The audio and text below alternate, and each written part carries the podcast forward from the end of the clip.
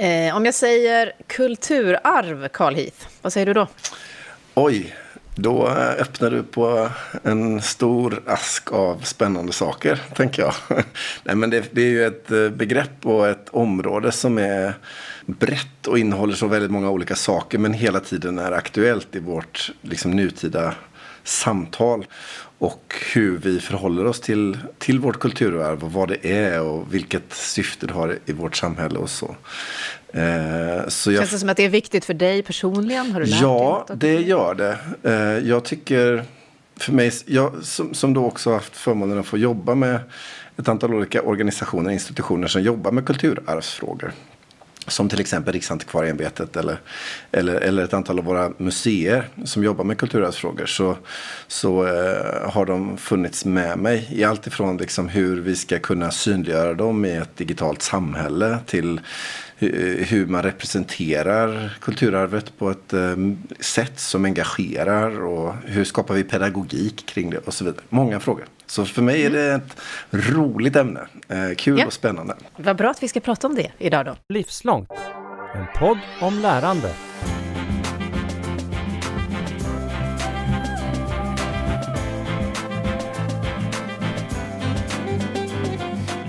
Men då är det hög tid att välkomna veckans gäst, om det är då till Livslångt.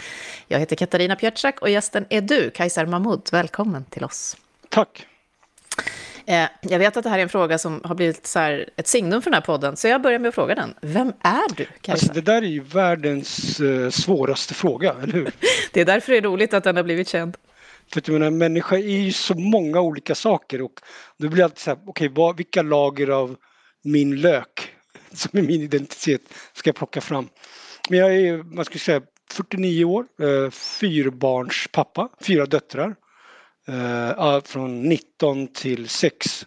Så att det är både så tonårs eh, och på väg in i vuxenlivet till mm, lämna skolan och prata om, om, om, om, när man tittar upp mot himlen, om man tittar upp eller ner, alltså den typen av filosofiska frågor. Eh, men annars till vardags så jobbar jag som eh, managementkonsult eh, på en, en av de här firmorna som kallas för Big Four som är amerikansk revisionsfirma i grund och botten. Har gjort det i tre år nu nästan.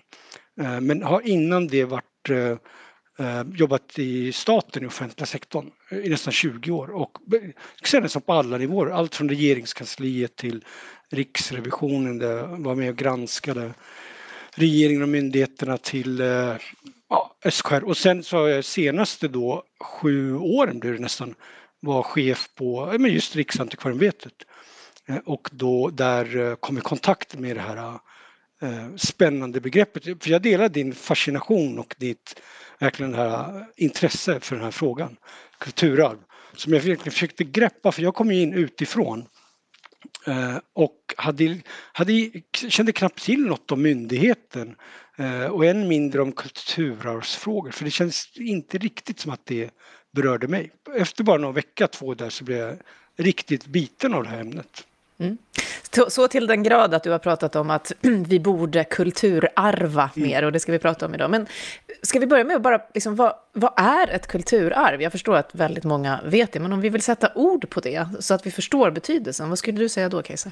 Alltså jag skulle säga att det är ju eh, antingen ett föremål, som materiellt eller immateriellt eh, fenomen, eller sak, eh, berättelse eller en kyrka eller något som, som vi har bestämt är tillräckligt viktig och att den säger något om eh, hur samhället har vuxit fram eh, och som vi vill bevara då. Eh, inte bara till framtiden men också till samtiden. För det är lite det man måste komma ihåg att, att de här, det som är kulturarv vi använder det lika mycket för att egentligen, kanske mer, för att säga om berättelsen, skapa berättelsen om vilka vi är idag. Äh, och vart vi ska framåt imorgon. Mm. Så att jag skulle säga att det gör att det blir att, jag kan själv tycka ibland att definitionen där med kulturarv, att det är allt, blir, blir liksom så abstrakt och svårhanterlig. Um, men, men det skulle i alla fall vara min beskrivning att det är sånt som någon har bestämt eller några är tillräckligt intressant och eh, angelägen pusselbit när vi ska lägga liksom pusslet om vilka vi är.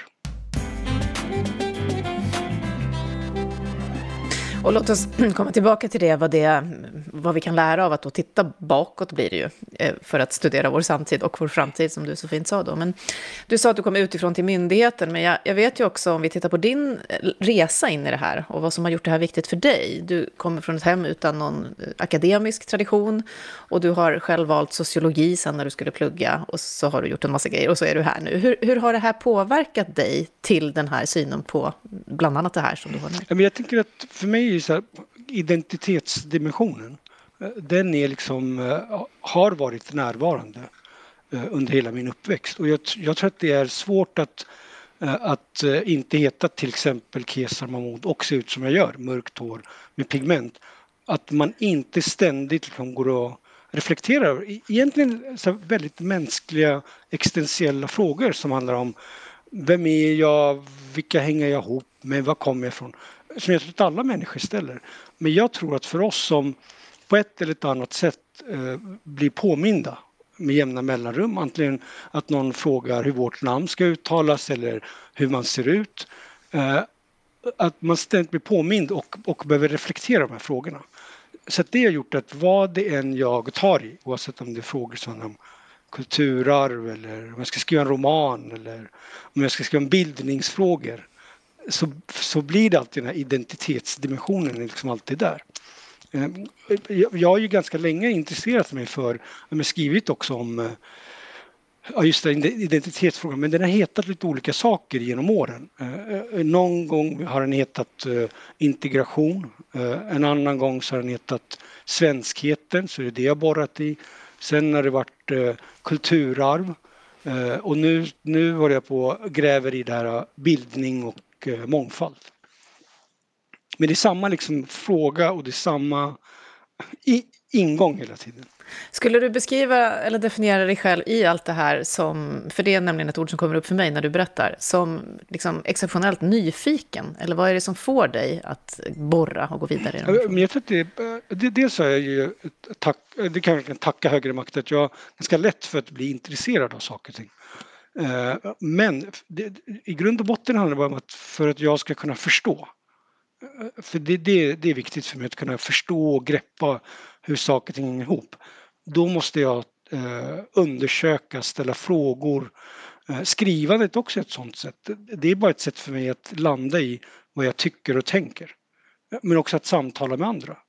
Eh, att, att jag, jag, jag, jag, kan inte sitta på en kammare och eh, tänka själv eller, eller läsa mig till saker och ting. Eh, eller teoretisera utan jag måste liksom gräva, vända och vrida eh, för att kunna förstå vad det är jag håller på med eller vad, vilket sammanhang jag befinner mig i. Mm. Det låter nästan som ett arkeologyrke. Ja. Men när du beskriver allt det här, nu är du på bildning och mångfald, du beskriver att du har varit på de här identitetsskapande frågorna på många olika sätt. Så. Och så är kulturarvande något som du verkligen då har drivit, att det är så viktigt. Vad är det viktigaste med att titta på det som har varit? Skulle men jag skulle säga att, att uh, egentligen är det så här, att, att den här frågeställningen, så här, var kommer jag ifrån? Vem är jag? Vart ska jag? Det är ju egentligen så här eviga tre frågor som, som människan alltid har ställt sig och ställer sig och kommer alltid ställa sig.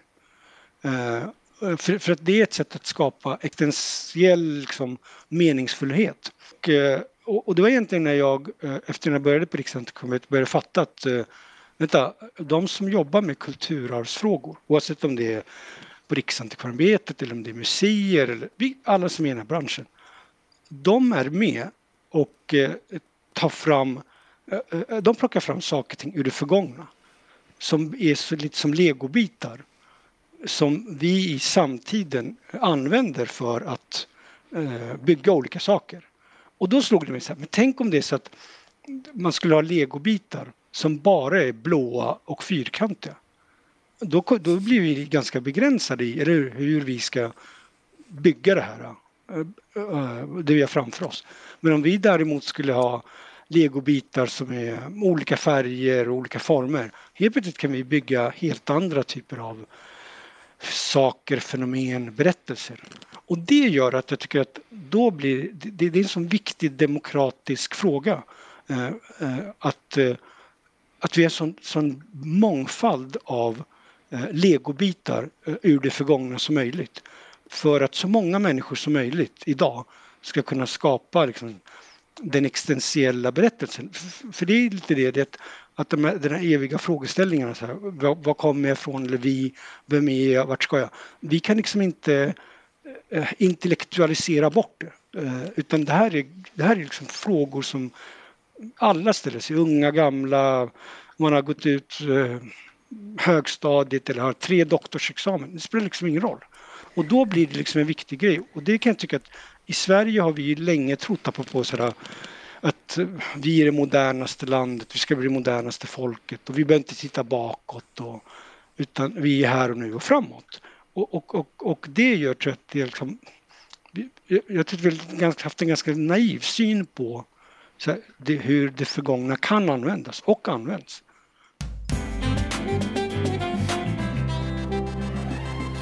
Men det, det, du säger nu tycker jag är så spännande för det är ju lätt att tänka att kulturarvet det är det där som man upplever på museet eller, eller tar del av liksom i, en, i en bok eller, eller någonting och att det hör till det förgångna. Men precis det du är inne på att det här är en del av vår egen bildningsresa om vilka vi är och vem jag är och, och framåtblickande.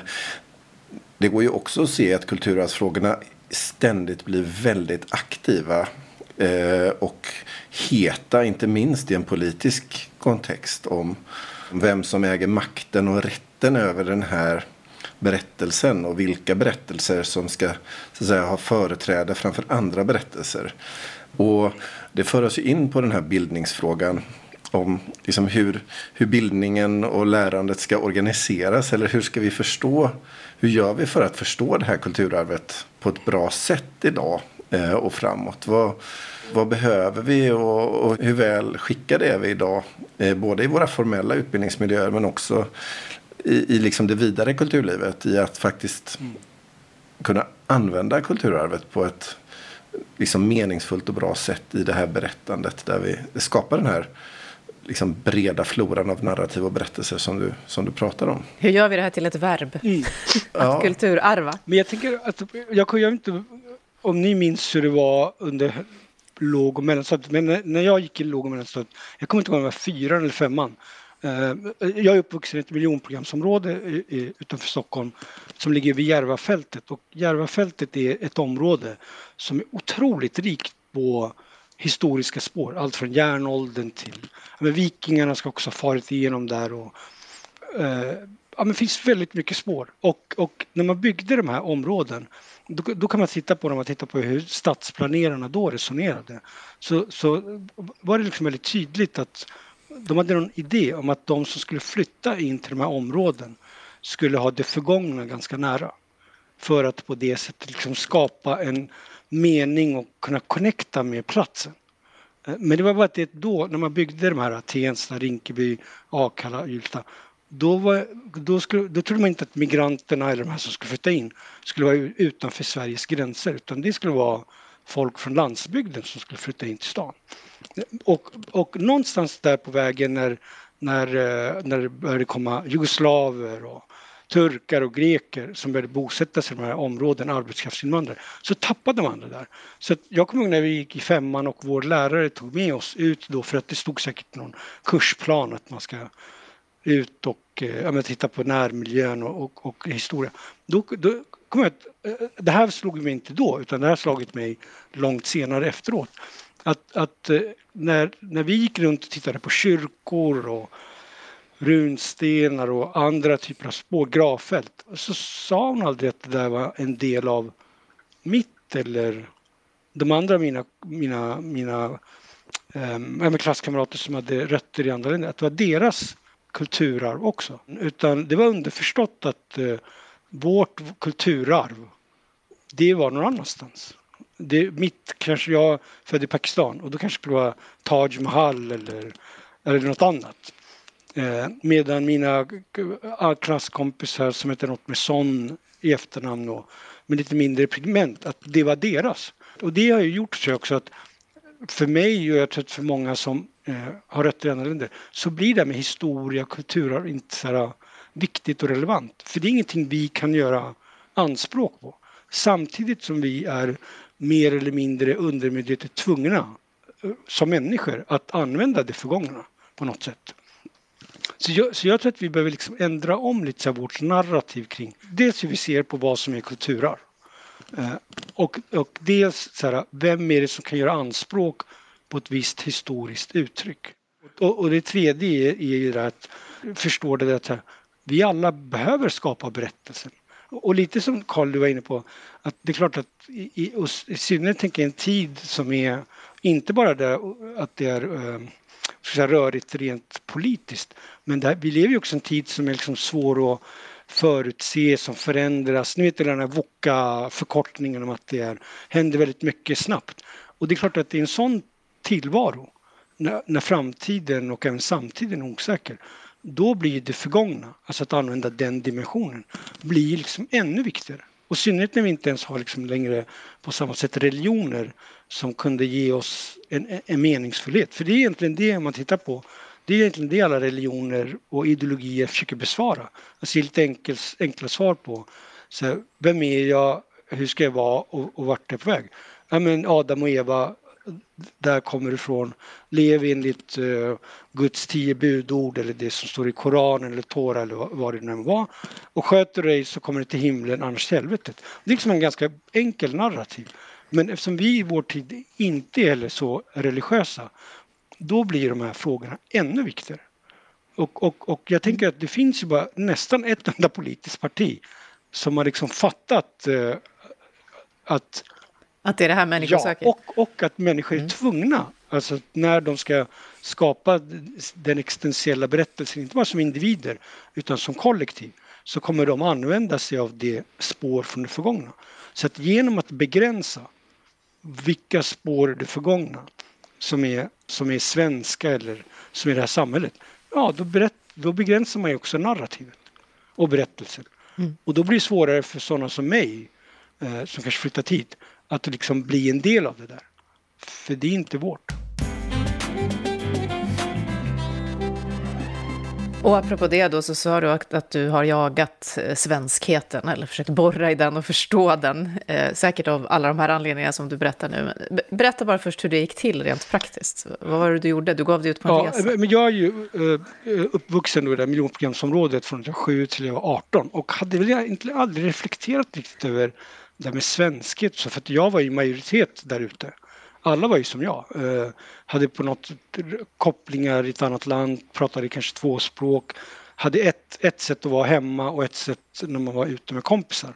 Så det var egentligen när jag först var 18 som jag började greppa så oj, jag är något annorlunda udda nu. Flyttade, i, mina föräldrar eh, köpte en, en bostadsrätt in i stan, sparade pengar, eh, städade, diskade för att vi skulle liksom ut från Tensta. Och, och det var egentligen där jag började men, men även då var det här aldrig med svenskhet en viktig fråga för jag hade ju utvecklat en ganska stark identitet att vara svartskalle som egentligen var att vara det man idag kanske kallar för eh, så här, mellanförskap eller vad det är. Så att jag var ganska trygg i den rollen. Utan det var först när jag fick barn som eh, jag började, där började bli liksom komplicerat. Jag började tänka, men vad ska de säga? De är inte ens svart i Pakistan. Och de inte ens kan, kan liksom göra, reclaima det här mellanförskapet. Så då började jag liksom fundera på det här. Så här men vad, vad, är då, om de är svenska, vad är det för något? För, för det här var ju också en tid, apropå när det fanns nästan bara två positioner.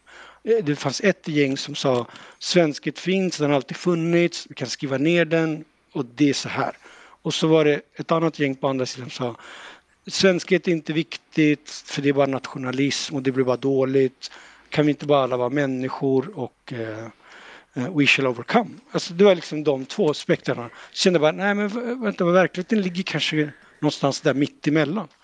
Och då återigen för att förstå och greppa så satte jag mig på motorcykel och åkte runt i Sverige. Eh, där jag körde egentligen så här test, den här snöbollsmetoden som man använder inom mycket inom sociologin också, att, att man frågar folk och så säger, pekar de åt ett håll och så frågar man nästa. Så att jag ställde under två år ställde jag frågan till folk jag mötte, bekanta, vänner. Så var är Sverige som svenskast? Och, sen, och var är svenskarna som svenskast? Och då var det någon som pekade mig mot Värmland och sa åk dit, där är Sverige som svenskast. För där har du liksom raggarkulturen, dansband, Selma Lagerlöfs eh, ställe. Eh, och så åkte jag dit och snackade och sen det någon som bara nej, nej, nej, du har helt fel.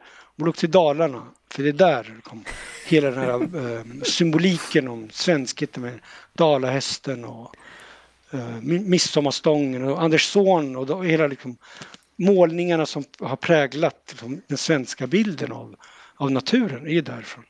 Och så där höll jag på och åkte runt och landade väl sen till slut i ett sådär, nej men det folk hade pekat mig till det var inte svenskheten. Det var ju där de kände sig trygga, sina uppväxtmiljöer. Mm.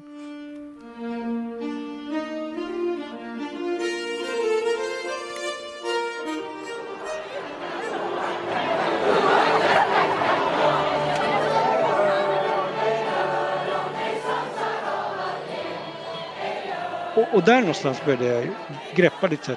Nej men svenskheten finns i termer av att det är en berättelse som är viktig för oss människor. Och återigen, för att vi, vi, kan liksom, vi kommer inte ifrån det. Vi är människor i sociala varelser och vi är inte rationella. Vi, vi rationaliserar saker och ting i efterhand. Och vi behöver skapa en berättelse om varför vi ska betala skatt eller hänga ihop på det. Eh, och inte bara säga att det är logiskt. Sorry, det var en lång utläggning. Jag märker att jag bara babblar på här. och väldigt spännande att lyssna på. Men jag tänker på att, dels tänker jag på, som vi har varit inne på någon gång förut i den här podden, att, att Carl, du brukar ibland säga så här, verkligheten är den saga eller berättelse vi berättar. Och sen har ju du också, Carl, rest runt i Sverige och eh, inte jagat svenskhet, men kanske demokrati. Och hur det, liksom, var den står idag och hur det yttrar sig idag. Så vad tänker du när du hör om Kajsars resa? Ja, alltså till att börja med så möter ju de här resorna varandra. Jag var ju särskild utredare under ett par år och jobbade med hur vi, vi ökar motståndskraft mot desinformation och propaganda och, och näthat och, och jobbar med det demokratiska samtalet. Och I den kontexten så är ju, är ju kulturarvsfrågorna en pusselbit eh, och en eh, in, i allra högsta grad levande väsen när det kommer till liksom att vilja skapa narrativ eh, om någonting. Så de här berättelserna om demokratin, om ett land, om hur vi ska vara med, med varandra. Eh, om vi och dem.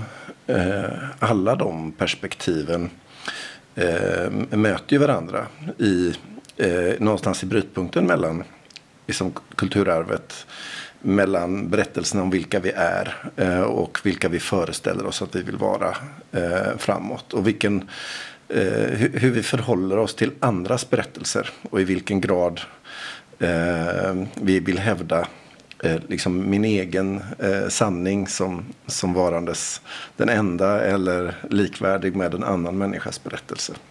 Och det här är jättesvårt.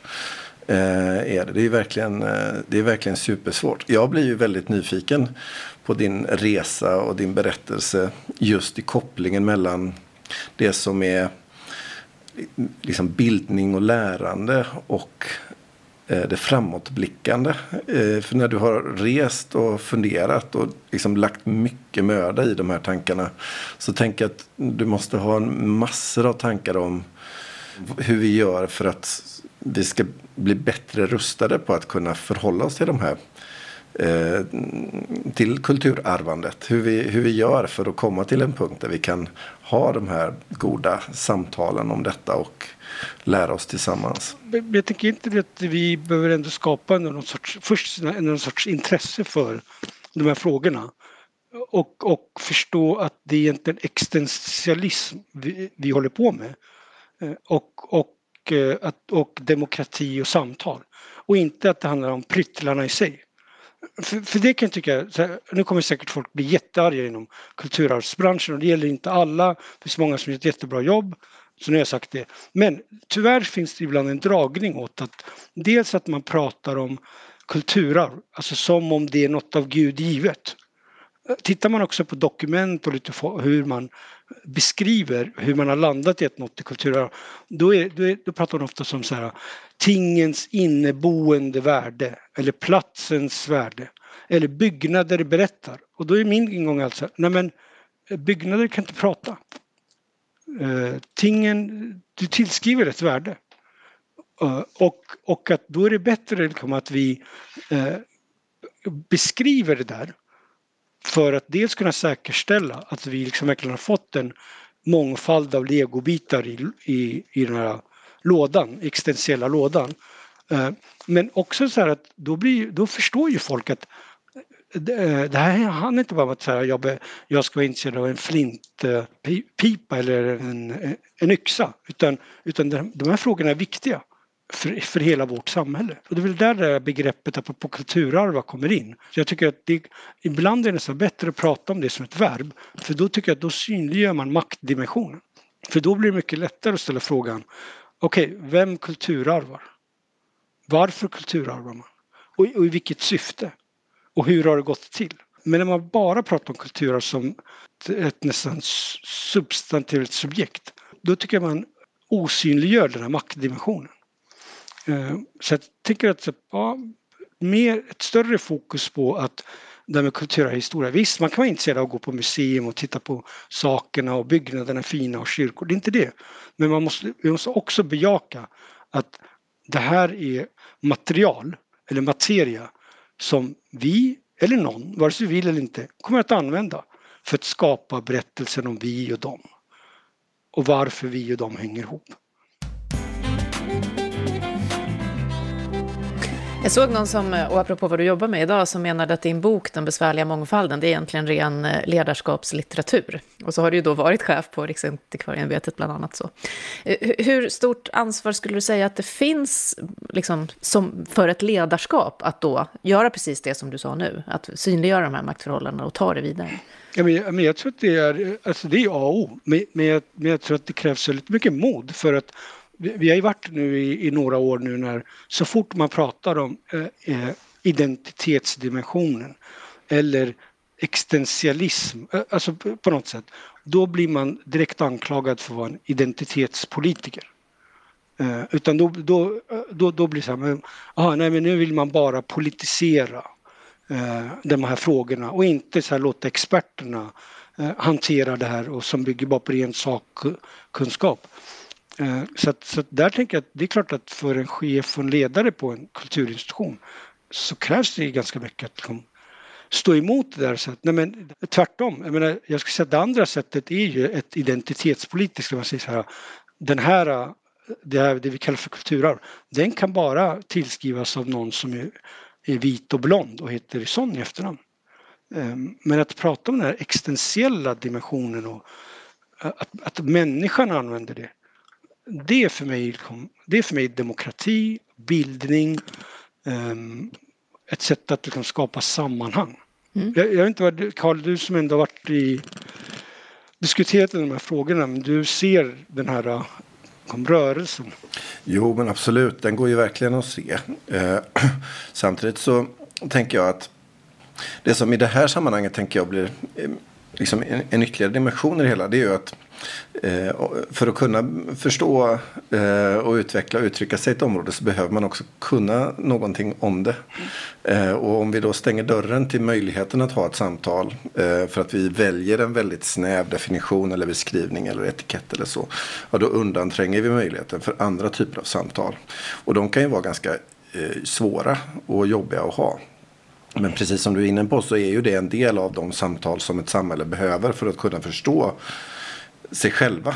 Våra berättelser handlar ju inte bara om dig och mig eller min berättelse utan handlar också om våra berättelser tillsammans och väldigt mycket av det som är samhället är någonstans den liksom väven av berättelser som uppstår. Eh, och, och, på det sättet så blir det här eh, väldigt viktiga frågor. Och, och, som du säger också existentiella frågor.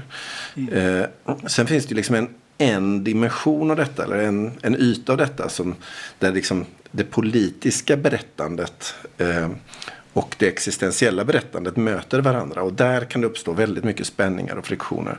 Men det undantar inte vikten av värdet av våra egna berättelser i kontexten av, liksom, precis som du är inne på, liksom, vem är jag, var kommer jag ifrån och, och vart vill jag? För de frågorna är ju så väldigt mycket större än den politiska facetten av det samtalet. Mm.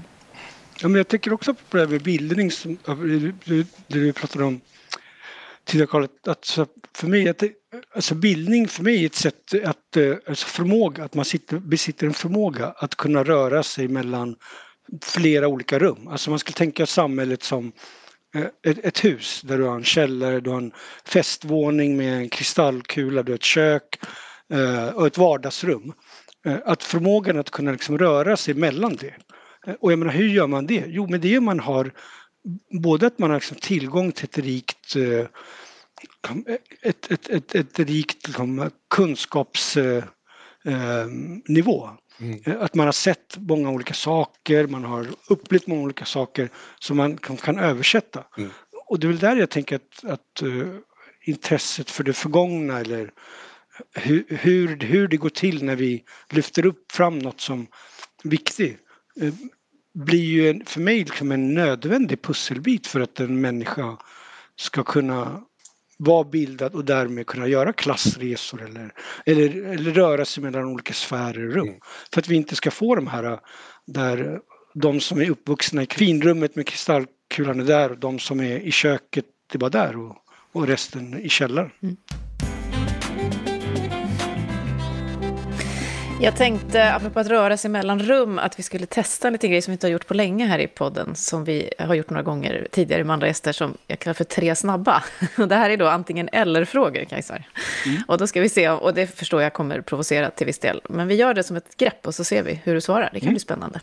Mm. Eh, så tre snabba om någon form av kulturarv då. Bach eller Kiss?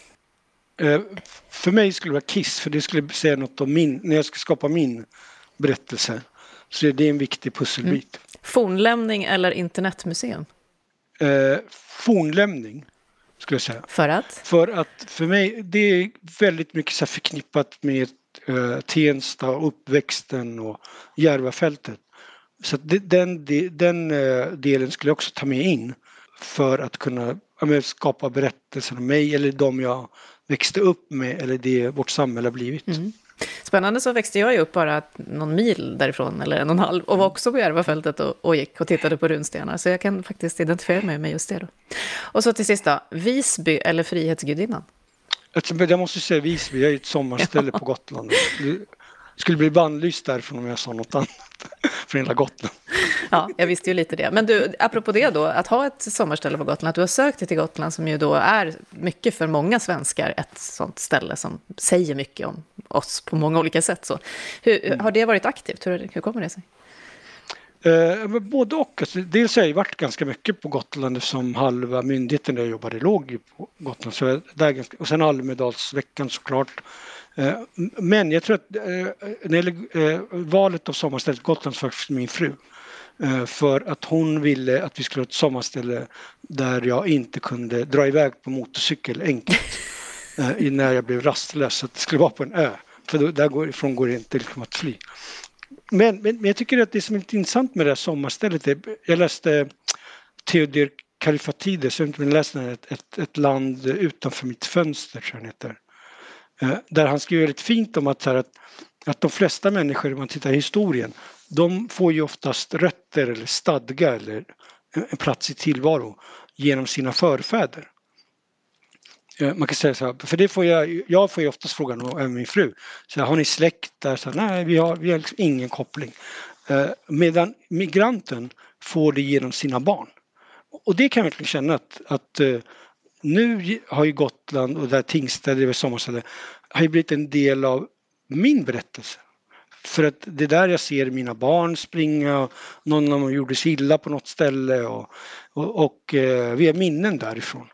Eh, så att genom deras eh, uppväxt och det de är med i så känner jag att nej men det där är en del av min plats. Och jag tror verkligen på, alltså när vi lever i en tid när vi tidigare byggt eh, koppling till en plats genom den här idén om essentialism, alltså att vi har en kärna och de vi delar den kärnan med bildar en etnisk eller en kulturell grupp och de har ett särskilt ställe på jorden där de hör hemma.